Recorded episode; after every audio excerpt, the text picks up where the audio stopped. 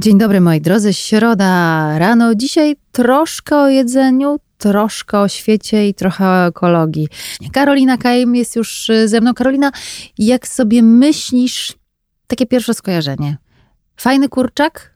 Co co ci przychodzi do głowy? Fajny kurczak to zdecydowanie żywy kurczak. Taki, który chodzi sobie wolno i grzebie w miejscu, które w danym momencie uznaje za najciekawsze. Najciekawsze i najsłuszniejsze. E, robiłam taką statystykę e, wśród różnych ludzi i jednak najczęściej dla ludzi fajny kurczak to ten, który się kojarzy z dobrym obiadem. Ale dla naszego gościa dzisiejszego, który za chwilę będzie z nami, fajny kurczak to właśnie taki, który sobie grzebie, ale też taki, którego po prostu można przytulić. Wiesław Macharzyński, Lab Farm dzisiaj będzie z nami. Zapraszamy.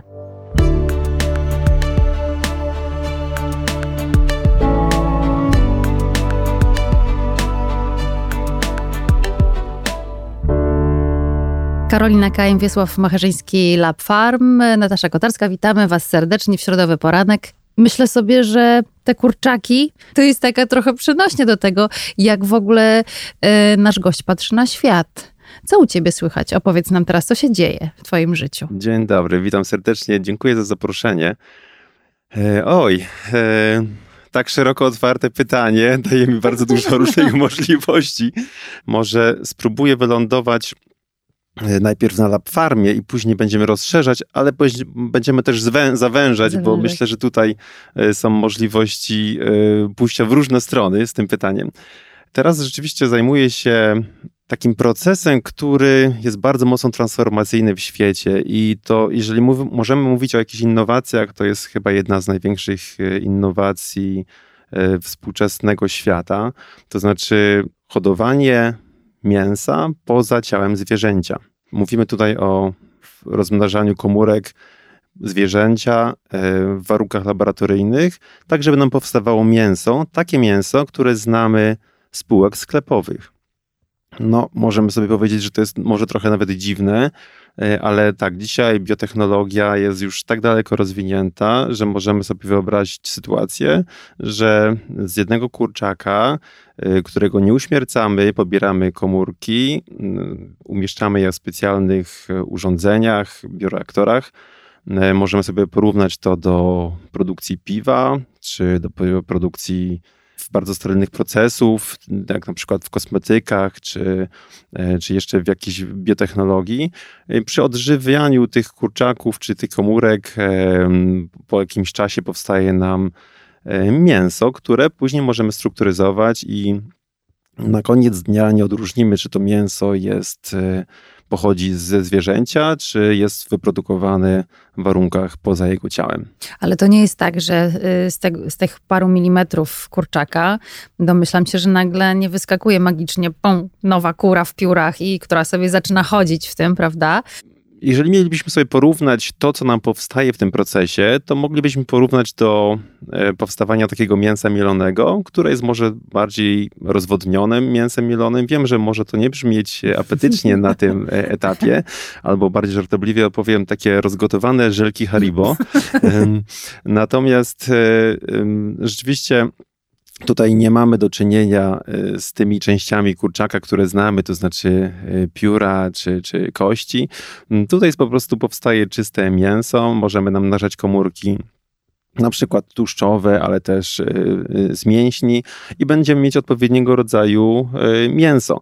Mm, oczywiście cały proces to jest, żeby to mięso smakowało tak jak powinno, jak, jak nam się kojarzy z mięsem naturalnym, czy takim, które jest pochodzenia zwierzęcego, ze zwierzaka, który wcześniej niestety został uśmiercony, to to mięso po prostu podlega jakiejś y, strukturyzacji, dodajemy smaku, dodajemy choćby przypraw, tak, żeby na koniec dnia nie, to mięso było takie samo dobre jak, jak, jak normalne. Trudno jest bardzo podrobić naturę, tak, jeżeli mówimy, że y, wzorcem z Sewry jest prawdziwy kurczak, który, którego obserwujemy gdzieś, którego znamy, gdzieś z ogródka naszej babci, to takiego kurczaka oczywiście nie jesteśmy w stanie e, stworzyć, ale już to mięso, które znamy z tego e, talerza u babci, mm, czy, czy z naszych, e, czy nawet z marketu, jesteśmy w stanie odtworzyć prawie jeden do jednego. No oczywiście jest to proces na dzisiaj dosyć długi, kosztowny i jest to innowacja, która jeszcze szybko nie zagości na stołach, ale w, no, jest jasny plan na to, jak to się powinno i kiedy się to powinno e, wydarzyć. Natomiast jeśli pytasz o, o to, żeby sobie jeszcze lepiej wyobrazić e, to mięso, to dzisiaj możemy oczywiście namnażać komórki zwierząt różnych, e, czyli tak naprawdę możemy sobie wyobrazić nawet namnażanie komórek zwierząt, które są pod ochroną na przykład krokodyla, czy antylopę, czy, czy jeszcze inne zwierzęta, I możemy również e, pewnie kiedyś jakiś, jakiejś porze e, takie zwierzę, zwierzę również zjeść. Możemy również sobie wydrukować e, steka, czyli jeżeli do drukarki 3D włożymy mięso, które, czy, czy te komórki, które, które wcześniej wy, wyprodukowaliśmy w bioreaktorach, możemy spowodować, że na stole pojawi nam się E, stek. On oczywiście jest to już bardziej złożony proces, bo musimy mieć tutaj specjalne konstrukcje, specjalny stelaż, który, który utrzyma to mięso, e, więc brzmi to bardzo może już e, rodem z NASA, mm, ale procesy już takie na świecie są utrwalone i no, my próbujemy również w warunkach polskich mierzyć się z tymi wyzwaniami. Powiedz, na jakim etapie rozwoju jest ta technologia? W takim sensie, czy to jest kwestia 5, 10, 15 lat, żeby można było to mięso e, kupić w sklepie albo zamówić w restauracji?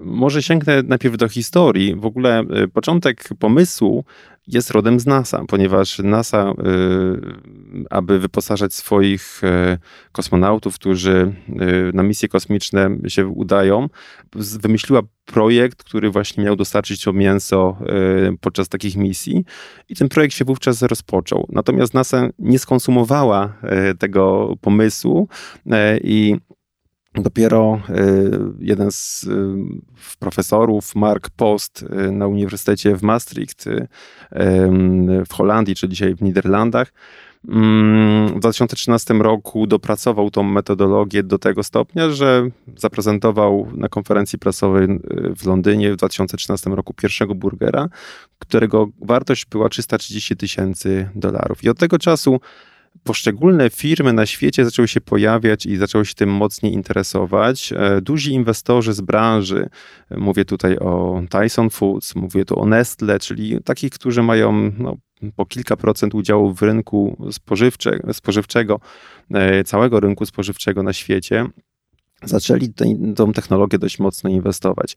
I jeżeli byśmy spojrzeli na trzy ostatnie lata, to ta technologia w bardzo wielu krajach się dosyć szybko zaczęła rozwijać i w tej chwili mówimy o jakichś stu kilkudziesięciu firmach na świecie, które e, realizują produkcję mięsa komórkowego dla różnych rodzajów e, zwierząt, czyli mówimy tu o wołowinie, wieprzowinie, kurczaku, owocach morza, ale też indyk, kaczka, czyli generalnie różne zwierzęta, które znamy, które konsumujemy, na które jest popyt Natomiast e, właściwie na dzisiaj istnieje jeden otwarty rynek, gdzie to mięso można zjeść w restauracji. Jest to e, Singapur.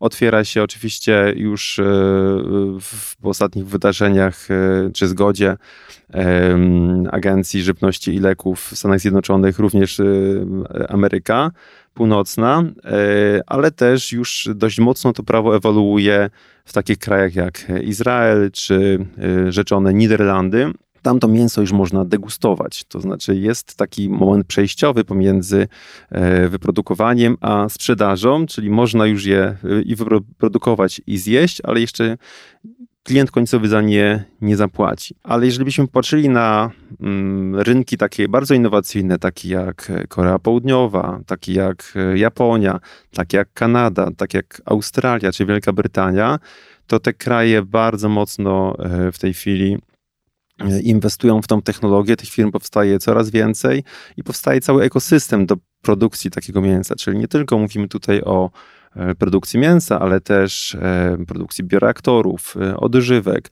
Są specjalne granty ogłoszone w ramach Unii Europejskiej mm, na wymyślenie takich pożywek, które przyspieszą proces i, potanie, i spowodują, że cały, cała produkcja będzie istotnie niższa. No bo dzisiaj należy zauważyć główną różnicę E, taką, że to mięso już nie kosztuje 330 tysięcy dolarów za burgera jak w 2013 roku, 10 lat temu, e, ale kosztuje 15 dolarów e, za funt mięsa, czyli około pół kilograma. To oznacza, że jest no i tak jakieś sześciokrotnie droższe pewnie niż cena kurczaka na przykład, porównując tutaj kurczaka do kurczaka, e, sześciokrotnie droższa niż, niż w tradycyjnym chowie. A co tu jest tym elementem kosztotwórczym? Co powoduje, że ta cena nadal jest wysoka? Y, no 50% kosztów to są, to są koszty odżywek, tego pożywienia, którym żywimy te komórki. I oczywiście cały proces jest y, no, dużo bardziej zrównoważony, jeżeli mówimy o ekologii, jeżeli mówimy o ekonomii. E, natomiast no, ta pożywka, ona wcześniej musi być przygotowana, ona musi być wcześniej kupiona. Jeszcze ten rynek jest na tyle mały, to też jest kwestia ekonomii skali. Tak? Jeżeli wejdziemy w tonarze, w, w, pójdziemy w konsumpcję, jeżeli rzeczywiście powstaną restauracje, które produkują to mięso i sprzedają, oferują to mięso, czy, czy sklepy, no to będziemy mogli już mierzyć się z cenami, e, które są porównywalne. E, myślę, że jednak to szybko nie nastąpi, no bo to jest proces e, raczej ewolucyjny, ale biorąc pod uwagę dynamikę w kilku obszarach, bo myślę, że tutaj trzeba wskazać na obszar A, zrównoważonego rozwoju czy ekologii, ponieważ tutaj za tym stoją zielone pieniądze, to znaczy zielone pieniądze, które są w rękach największych instytucji światowych, jak Bank Światowy, Międzynarodowy Fundusz Walutowy, Komisja Europejska, one płyną w tą stronę, tak? także one będą wspierały ten, tą technologię i tą, ten, te procesy. Z drugiej strony mówimy tu o edukacji, no ponieważ dzisiaj pewnie jak o tym rozmawiamy, to trochę temat oswajamy i, i pewnie możemy nie mieć jeszcze wielkiego entuzjazmu i to też jest kwestia dużej odpowiedzialności, żeby o tym mówić tak, aby nie zniechęcić potencjalnych klientów, E, których e, ja identyfikuję na przykład dzisiaj wśród młodego pokolenia, które świadomie nie chce zabijać zwierząt, no bo e, zabijanie jest złe, ale z drugiej strony chcemy jeść mięso, więc jest tu jakiś rodzaj hipokryzji, którą sami wspieramy. No ale mm, skoro są technologie i rozwiązania i możemy takie mięso, które ma takie same możliwości odżywcze. No właśnie, bo to jest mhm. też ważne, prawda, że, mhm. że wielu z nas, nie wiem, no, mamy dzieci, które potrzebują odpowiedniej dawki białka i nie jest łatwo ich namówić do jedzenia strączków e, wiesz, i takiej dawki warzyw i czasem po prostu nie mamy wyboru, nie wiem, no kobiety w ciąży muszą, a, aby nie chciały jeść mięsa i wydaje mi się, że ta wiedza, że to ma takie same właściwości odżywcze, a jednak y, jak gdyby, no nie musimy się nawet silić na hum, humanitarne, prawda? Tutaj traktowanie zwierząt, bo po prostu... Same zalety etyczne. Dokładnie. Może być po prostu bardzo ważnym argumentem tutaj w tym oswajaniu. Tak, taki, szczerze mówiąc, e, ja bym sobie teraz porównał do tematu na przykład owadów, który jest ostatnio e, bardzo szeroko komentowany w mediach.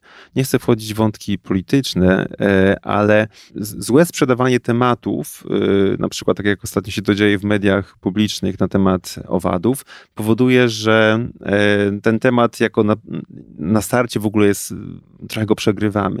Dlatego bardzo ważne jest, żeby o mięsie komórkowym mówić w taki sposób, aby oswoić ten temat, bo oprócz samej produkcji bardzo ważna jest tutaj edukacja, bardzo ważne jest również e, marketing, bardzo ważne jest, żeby znaleźć, do, e, znaleźć e, klientów, którzy będą chcieli w przyszłości to mięso jeść, więc duża odpowiedzialność po stronie również mediów, tak jak również nas tutaj, żeby o tym mówić w taki sposób, aby ten temat raczej przybliżać i przybliżać tę transformację niż, niż ją e, odpychać, bo jak powiedziałem, jest to nauka, ale która już wchodzi w fazę taką wdrożeniową, znaczy mamy już konkretne efekty i teraz tak naprawdę od nas zależy, w jaki sposób dotrzemy do, do, do klienta końcowego.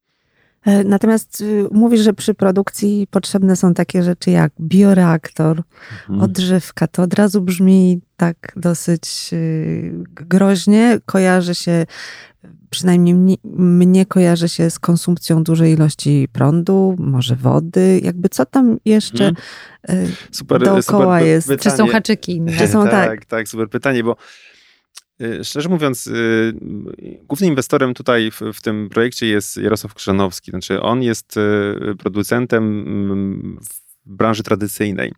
E, I właściwie spotykając się z wszystkimi wyzwaniami, jakie ta branża tradycyjna niesie, a są to na przykład e, wysoki ślad węglowy, wysoki ślad wodny, e, duża emisja gazów cieplarnianych, protesty ludzi, których się próbuje budować nowe fermy, Mm, jest również kwestia chorób zwierząt, tak? Ptasie grypy, świńskie grypy, tak? W zależności o jakim zwierzęciu mówimy.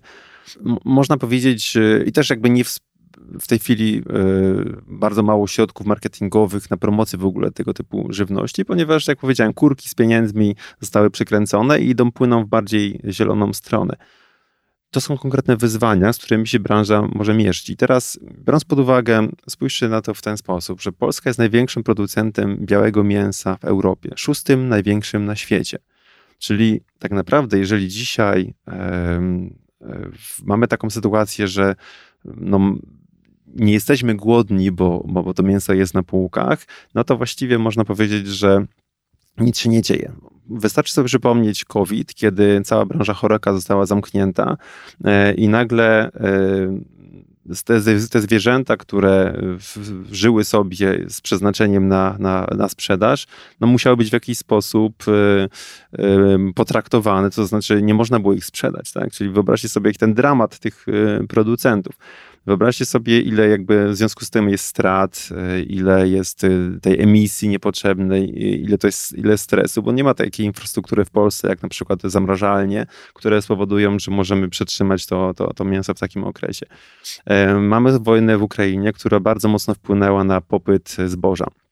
Tak, my jesteśmy niezależni, jeżeli chodzi o zboże i y, głównie konsumowaliśmy zboże z, z własnego rynku, ale e, w momencie, gdy Rosja i Ukraina zaangażowane w wojnę są największymi producentami zboża na świecie e, i tego, z tym zbożem Ukraina na przykład nie mogła handlować, to, mm, to Ukraina zaczęła to, to zboże sprzedawać. E, bardzo mocno zmienił się kurs euro. Polacy zaczęli sprzedawać zboże za granicę, zamiast zatrzymywać znowu na miejscowym rynku dla, na pasze dla, dla, dla hodowców to spowodowało bardzo duże zmiany i niedostępność tego, tych pasz. Tak? I zobaczcie, jak, jak, jak system naczyń połączonych, jaki, jaki tutaj y, następuje, więc tych wyzwań w tradycyjnej branży jest bardzo, bardzo dużo. I e, gdy możemy sobie m, zaplanować proces produkcji, to znaczy tak samo jak jest na przykład z piwem, tak? Idziemy, wiemy, że to piwo się waży ileś tam dni, możemy sobie y, w browarze obliczyć, że na przykład, e, żeby tyle piwa wyprodukować, musimy wcześniej w tych, w tych kadziach te, to piwo sobie tam e, e, przygotować. Tak samo jest w tym produkcie. Jeżeli, nie wiem, jest jakiś problem, wstrzymujemy produkcję, zatrzymujemy zużycie wody, energii, nie sprzedajemy. Natomiast jeżeli jest duży popyt, no to wówczas jesteśmy w stanie zwiększyć moce produkcyjne, więc jest to proces bardzo też nie nastawiony na straty. Nie mówiąc o tym, że y, nie ma tutaj zakażeń, nie ma tutaj chorób, nie ma tutaj, ponieważ jest to wszystko bardzo sterylne i, i, i planowe. Także y, o przewagach oczywiście można mówić bardzo dużo, ale mm, myślę, że najważniejszym tutaj tematem, który jednak z punktu widzenia konsumenta występuje, no to jest jednak E, przekonanie, że to mięso na koniec smakuje tak samo. I tego bez próby, bez degustacji, bez, e, e, bez pokazania na żywo nie da się po prostu zrobić. O tym możemy rozmawiać i pewnie możemy ten temat oswajać. Dzisiaj jednak cena tego mięsa no, pokazuje, że raczej musimy zaangażować najdroższe restauracje z gwiazdkami Michelin, najlepszych kucharzy, jakieś show kulinarne, żeby uzasadnić cenę i pokazać, że, że ten rynek istnieje. Natomiast dzisiaj, gdybyśmy położyli na półce sześciokrotnie droższe mięso i, i, i mięso w, w tych cenach, które dzisiaj znamy, no to pewnie każdy wybrałby jeszcze to stare. Tak? Także dzisiaj jesteśmy w jakimś okresie transformacji, trochę pewnie wcześniej przed rynkiem, ale z drugiej strony wszystkie startupy, wszystkie pomysły mm, tak samo funkcjonują, czyli trzeba je dotować, trzeba je y, sponsorować, po, właśnie po to, że jak będzie już ten moment, y, no być y, pierwszym, ale też y, w sposób odpowiedzialny realizować y, to, w co bardzo mocno tutaj wierzymy. Myślę, że tutaj jest bardzo dużo podobieństw do y, farm zielonych liści, o których y, rozmawiałyśmy.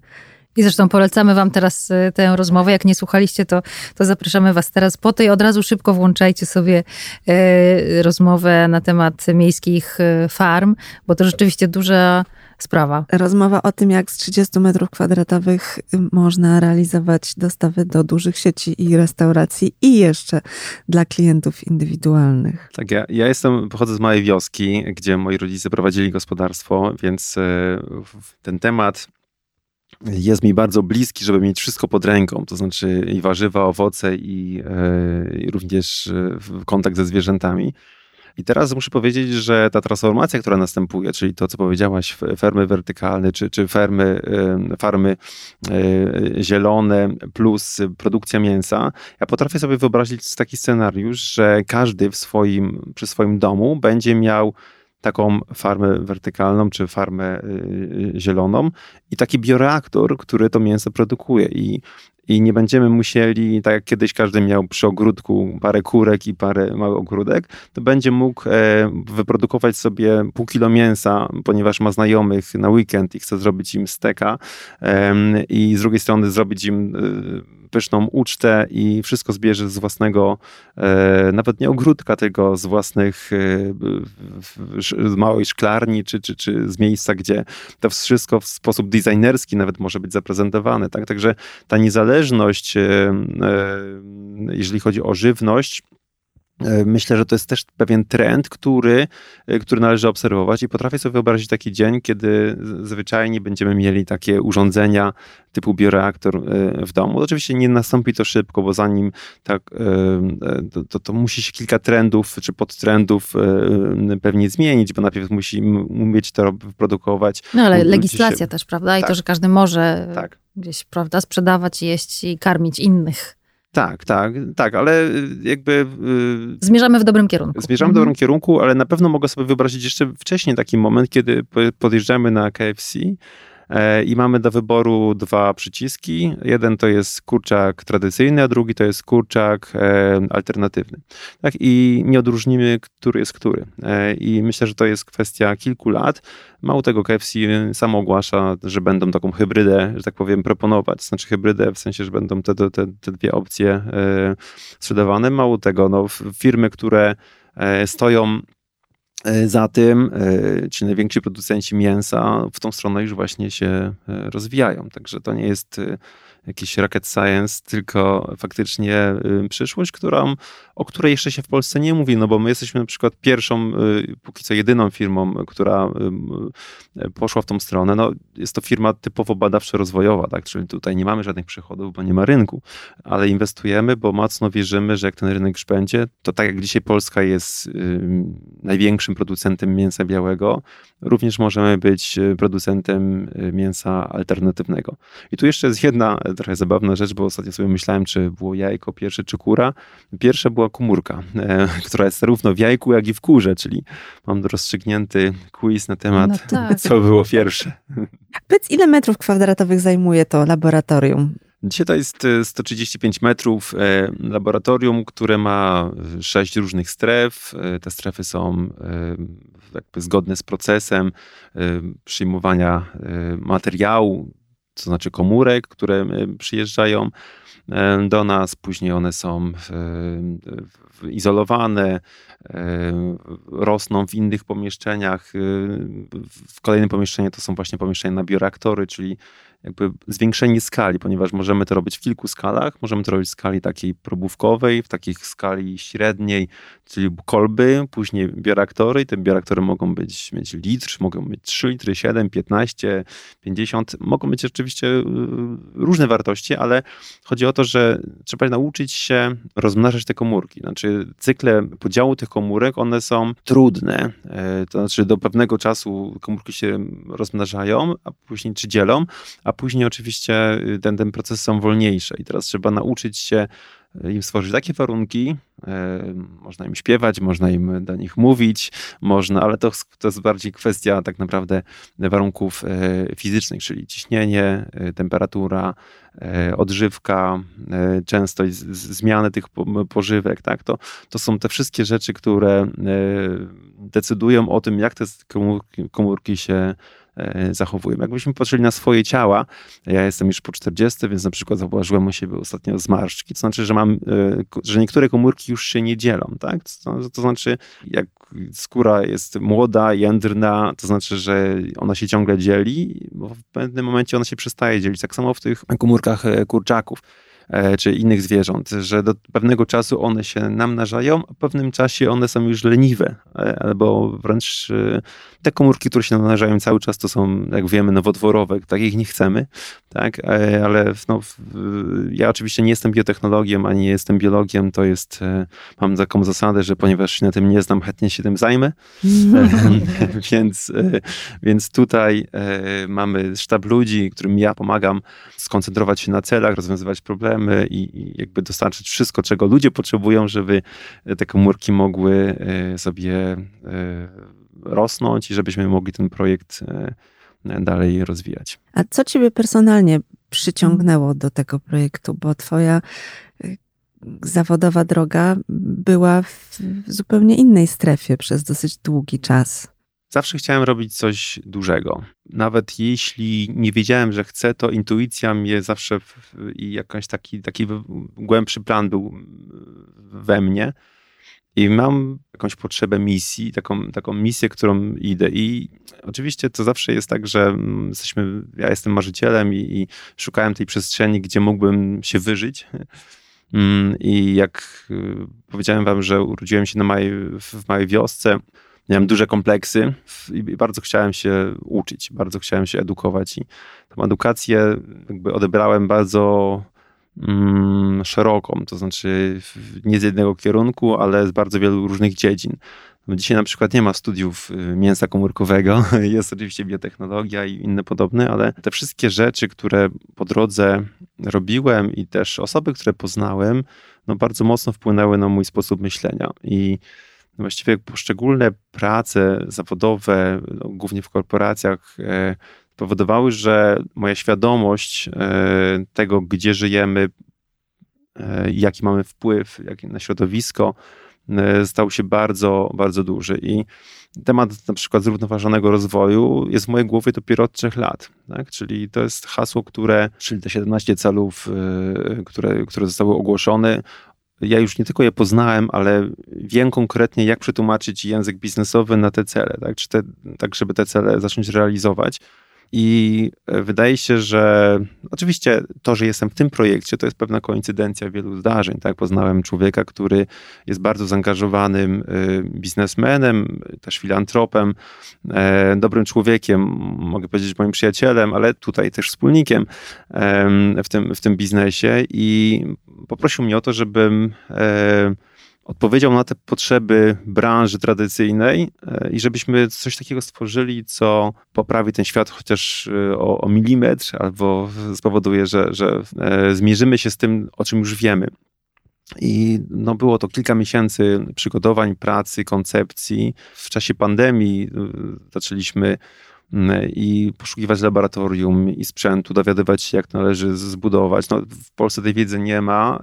Y, znaczy, oczywiście można sobie dużo rzeczy przeczytać y, i to jest właściwie klucz, no ale to jest kwestia też zgromadzenia odpowiednich osób. Y, no i zorientowania tych osób na, na, na, ten, na ten cel, tak żeby wszyscy mieli poczucie, że lecimy hmm. na Księżyc. I jest to w tym zadaniu bardzo piękne, bo w momencie, gdy człowiek sobie uświadamia, że tu są same problemy, same koszty, to ten, ta fascynacja z tego lotu jest po prostu dużo większa i da, daje dużo, dużo więcej. Bo tak powiedziałem, tutaj nie ma systemów motywacyjnych w postaci, że dostaniemy premię, czy dostaniemy jakieś rzeczy doczesne, bo jesteśmy y, firmą, która ponosi koszty na, e, raczej wolelibyśmy kupić nową odżywkę, e, nowy sprzęt, żeby nam szybciej te komórki się rozmnażały i żeby mieć e, te cele pośrednie zrealizowane, bo projekt jest rozpisany na, oczywiście na parę lat i staramy się dostarczyć te cele, takie, na które się wewnętrznie zespołem umówiliśmy. Natomiast ta fascynacja z tego lotu, ten, ten wiatr w włosach jest dla nas dzisiaj no, po prostu wszystkim, także lecimy. A co będzie tym sukcesem dla ciebie? W którym momencie będziesz mógł powiedzieć, mm, zrobiłem to, mam to? Myślę, że tutaj e, jest kilka rzeczy, z których można się cieszyć ja się umiem cieszyć z małych rzeczy. Przejście na, e, z próbówki na kolbę, e, czyli pośredni etap, z kolby do bioreaktorów, to są takie rzeczy, które jeżeli nam wychodzą, I zespół to zrobił sam poprzez swoją wiedzę, analizę, doświadczenia, próby. To jest taka praca 24 na 7. Tak? Nie wiem, ja mam na przykład taki cel, żeby zrobić, zorganizować taką degustację tego mięsa i, i to, że jesteśmy w stanie to mięso jakby, jakby zjeść z, z, innymi osobami, to będzie na pewno bardzo duży sukces, tak? I, i mamy to już w tym roku zamiar zrealizować.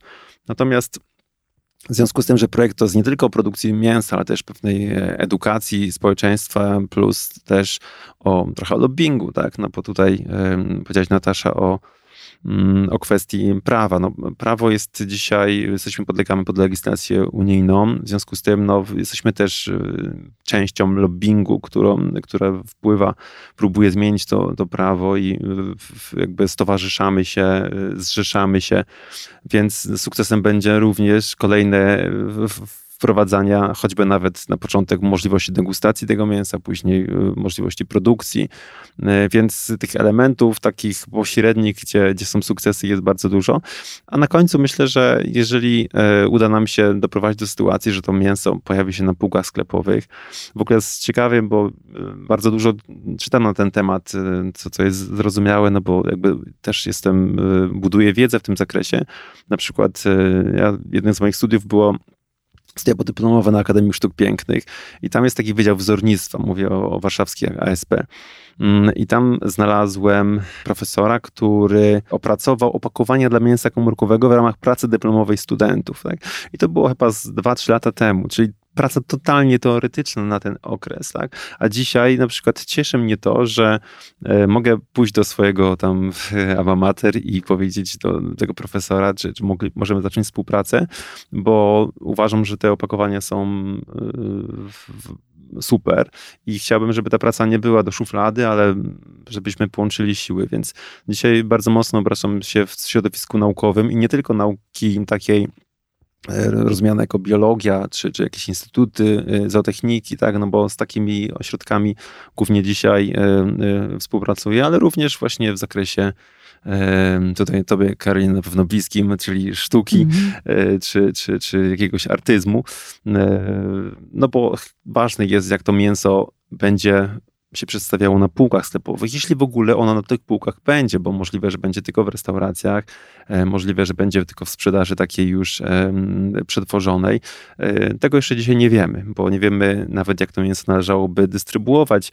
Mm, Zatem przeczytałem biografię e, Dietricha Mateszica, to jest człowiek, twórca Red Bulla, zmarł jesienią 2022 roku.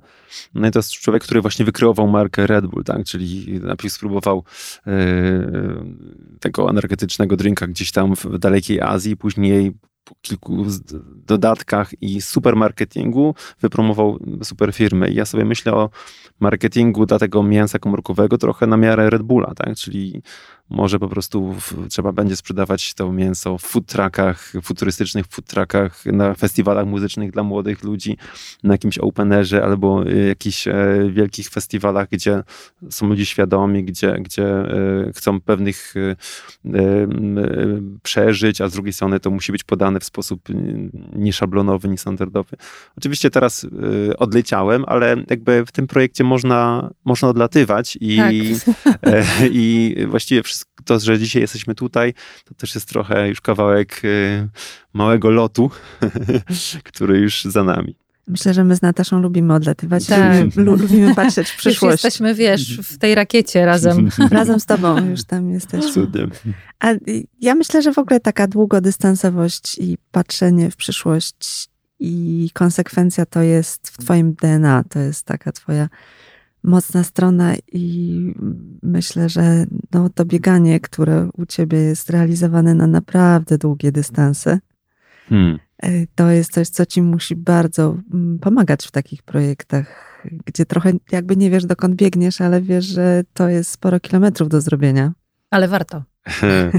Też sobie czasami myślę, co powoduje mną e, i jakby jakie mam te zasoby własne, które jakby powodują, że jestem tu, gdzie jestem i na pewno sport i dyscyplina i może też trochę pewna pokora do tego y, się przyczynia. Natomiast muszę powiedzieć, że ja jestem raczej z tych osób, które wysoko lata i nie zawsze lubi lądować. Nie? I mm, i to jest pewne ograniczenie. To znaczy, muszę się y, i chcę otaczać ludźmi, którzy potrafią e, potrafią ten język wizji przetłumaczyć na język zadań, tak żeby to zadanie ostatecznie zostało mm, dowiezione, bo e, ja nie mam problemu ze wznoszeniem się i z punktu widzenia łączenia kropek, dowożenia jakiegoś dużego celu, kreowania tego celu, to jest mój, mój świat, to jest moja na pewno silna strona i to, że jakby totalnie nie przejmuję się przeciwnościami wokół tego. To może to być kontrowersyjne, ale jestem w stanie to nie tylko unieść, ale bardzo mocno sponsorować, konsekwentnie realizować. Natomiast muszę mieć wokół siebie ludzi, którzy potrafią e, tą wizję przetłumaczyć, zrozumieć i, i później już adaptować do. do... Na, szczęście, ma, na szczęście mam takie osoby wokół i, i dlatego to się wszystko dzieje. Projekt nie jest na pewno na rok, na pewno nie jest na trzy lata. Mogę sobie oczywiście wyobrazić w ciągu dwóch, trzech lat, że to będą, e, że będą poszczególne cele osiągnięte, ale jeśli mówimy o takiej komercjalizacji projektu, no to jest raczej taka perspektywa pewnie 5 lat plus. Chociaż patrząc na dynamikę tego, co się wydarza, na ostatnie też historie e, związane z, z, z COVID-em czy, czy, czy wojną w Ukrainie, to pokazuje, że to tylko są boosty, dodatkowe, e, dodatkowa energia do tego typu e, projektów. Poza tym chyba też nie ma alternatywy. Jeżeli sobie zobaczymy kilka cyfr, zobaczcie, w okresie międzywojennym na świecie żyło półtora miliarda ludzi. W mojej urodziny 15 listopada urodził się 8-miliardowy obywatel świata. Mamy ten sam, tą samą Ziemię, ten sam glob, e, ale tam nie będzie już więcej terenów na uprawy, e, które są, jak już wiemy, bardzo mocno e, mają negatywny wpływ na, na, na środowisko, czy, czy hodowla zwierząt, podobnie. I, i zobaczcie, jeżeli mówi się o tym, że w 2050 roku będzie 10 miliardów ludzi, a patrząc na demografię tych krajów rozwijających się, mówię Afryka, Azja, nie mam wątpliwości, że tak będzie czym się ci ludzie wyżywią. Tak? Nie musimy patrzeć jakoś bardzo mocno, ale odkąd urodził mi się syn, ja bardzo myślę o tej perspektywie y, również mojego dziecka, co on zastanie. Tak? Przeżyliśmy transformację cyfrową podczas COVID-u, transformację energetyczną przeżywamy teraz, bo, widzimy, co się dzieje y, z cenami prądu y, i, i, też jakby, że ta nasza świadomość się dopiero teraz jakby kształtuje. Mówi się o kryzysie, kryzysie żywnościowym. Tak? Jeżeli ten kryzys nastąpi, to będziemy bardzo wszyscy jeszcze bardziej doświadczeni niż tymi wcześniejszymi dwoma kryzysami.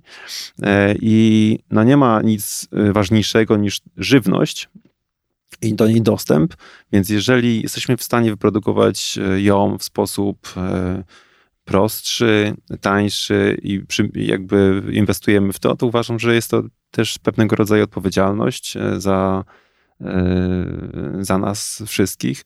Ja zastanawiałem się, bo w jednym z wywiadów, które realizowałem do jednej z gazet z branży tradycyjnej, było zadane pytanie, i to pytanie było świetne, bo było, dlaczego Singapur był pierwszy?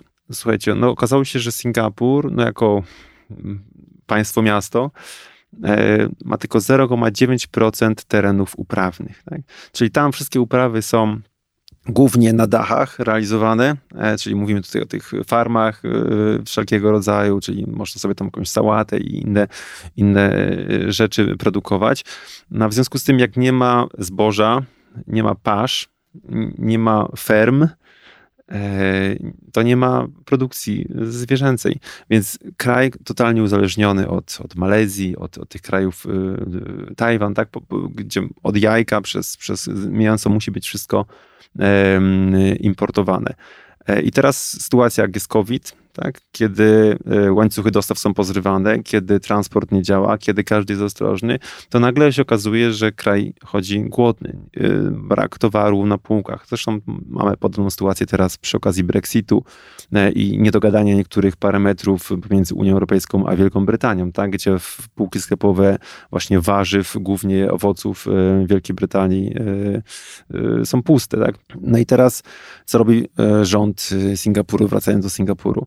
Rząd zdecydował, że wprowadzi takie prawo, żeby to mięso móc produkować. I znowu motywacja, bo jak człowiek ma chodzić głodny, to jest w stanie zmienić przepisy. I teraz my nie jesteśmy jako Polska głodni, bo jesteśmy największym producentem mięsa. Więc zobaczcie, jakby jaki, jaki paradoks. My, my, my, w Unii Europejskiej, tak biorąc pod uwagę tę logikę, musielibyśmy być ostatnim krajem, który tę legislację zmienia. No bo przecież mamy fermy, mamy, jesteśmy największym e, producentem, eksporterem mięsa e, w Europie. E, no ale znowu, kilka ostatnich testów, stres testów, które nam dostarczył świat, pokazuje, że jednak e, powinniśmy o tym tak myśleć, zwłaszcza gdy no, mamy, ja mam takiego e, świadomego inwestora, który właśnie dokładnie takimi kategoriami e, myśli. Patrzę na inny kraj, Niderlandy, tak? niskie lądy. Kraj, który mm, jest praktycznie na poziomie, na poziomie morza albo wręcz w depresji.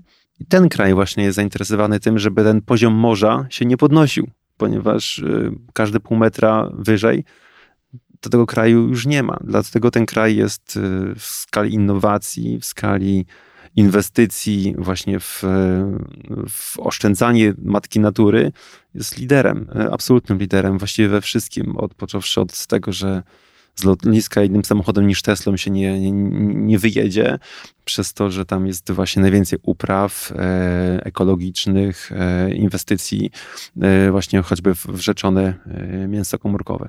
Także e, ważne w każdym projekcie jest motywacja. Jest potrzeba, jest działanie. Tak, tak. A my tak. tutaj jakby tą motywację musieliśmy trochę sobie wykreować e, jakby z innego zasobu, ale bardzo, bardzo mocno wierzę, że, że ten projekt po prostu ma sens. Czyli dobrze czasami jest być trochę głodnym i trochę przestraszonym, bo to motywuje do tak. podjęcia określonych działań. Oj tak, oj tak. Ja y, bardzo lubię chodzić po górach i, i jakby w każdym roku mam zaplanowaną jakąś ekspedycję. Właśnie y, ktoś, ktoś mnie zapytał, dlaczego to robię. No właśnie dlatego, żeby poczuć, jak to jest, jak jest zimno, jak człowiek jest głodny, jak jest y, nieumyty, mm, jak musi wystarczyć e, tak naprawdę bardzo niewiele. Mm, I właściwie my zwykle nie martwimy się o to, co jest u podstawy piramidy Maslowa, e, bo zwykle dbamy o to, e, czy w danym teatrze grają coś i czy mam bilet na to wydarzenie, albo jakieś inne, inne kwestie, które może są z środka tej piramidy. Natomiast nie dbamy i nie cieszymy się z tego, że mamy ciepłą wodę, że mamy w lodówce po pierwsze prąd, a po drugie chłodne, nie wiem, jogurty e, i tak dalej. Także myślę, że, że warto sobie zabierać, żeby sobie później e, się zmotywować do tego, że i doceniać to, co się tak naprawdę ma. A żywność jest jedną z tych kategorii na pewno. To w tym roku jakie plany na góry? 9 czerwiec Alaska, Denali, czyli najwyższy szczyt Ameryki Północnej.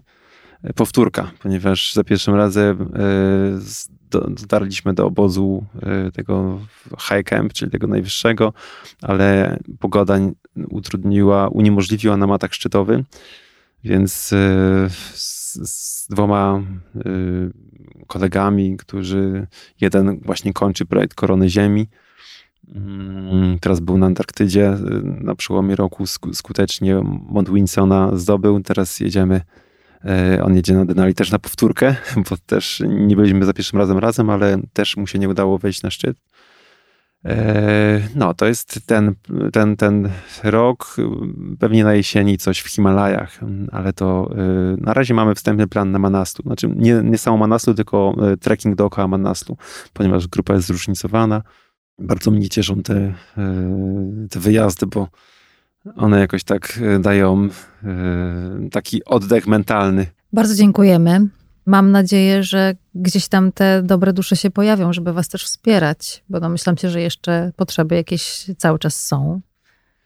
Oj tak, potrzeb jest bardzo dużo. Y, póki co ten projekt robimy, realizujemy wewnętrznie, aczkolwiek no, przy przejściu na skalę taką przemysłową, to oczywiście zasoby są już tutaj potrzebne bardzo duże, y, ale właściwie każda para uszu, które usłyszy y, o tym projekcie, później też będzie pozytywnie o tym się wypowiadała, y, to myślę, że bardzo dużo roboty robi w, w budowaniu świadomości, no po prostu, żeby ludzie o czymś wiedzieli, trzeba o tym mówić, y, ten temat oswajać.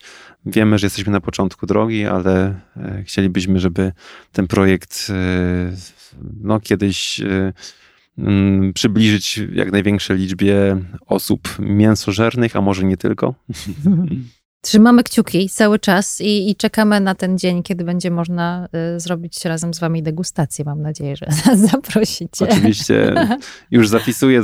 Zapisz nas na listę oczekujących. Jesteście na liście. Serdeczne dzięki. Dziękujemy, Dziękujemy dzisiaj. Wiesław Macherzyński, Lab Farm, Karolina KM Blueprint, Natasza Kotarska. Dobrej środy wam życzymy, dobrego dnia i słyszymy się za tydzień. Dzięki.